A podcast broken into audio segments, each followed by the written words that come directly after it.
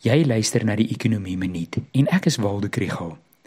Gister het Safto en Kosatu hulle 'n #National Shutdown veldtog gehad en meeste ontleeders het dit as onsinnig beskryf. Die vraagstukke soos beerdkrag en stygende lewenskoste is werklik.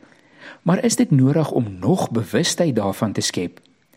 Dit is ook nie probleme wat deur betogings opgelos word nie maar ek dink daar is tog 'n groter sosio-ekonomiese en politieke prentjie om te sien.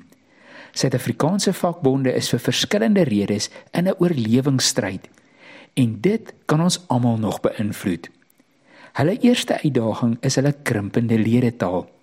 Dit verskil tussen bedrywe, maar gemiddeld verteenwoordig vakbonde ongeveer 30% van die werksmag.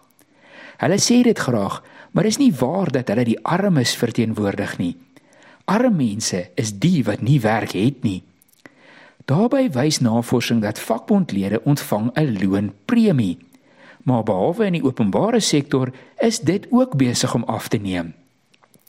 Hulle tweede uitdaging is hulle eie administratiewe probleme en wanbestuur. Verlede week het Natasha Marion in die Financial Mail 'n goeie beskrywing gegee van die magstryd tussen leiers en die vermorsing van hulpbronne. Baie vakbonde betaal ook nie meer hulle fooie aan die federasies soos SAFTU en COSATU nie. En derdens is hulle in 'n stryd met die regering en groot besigheid.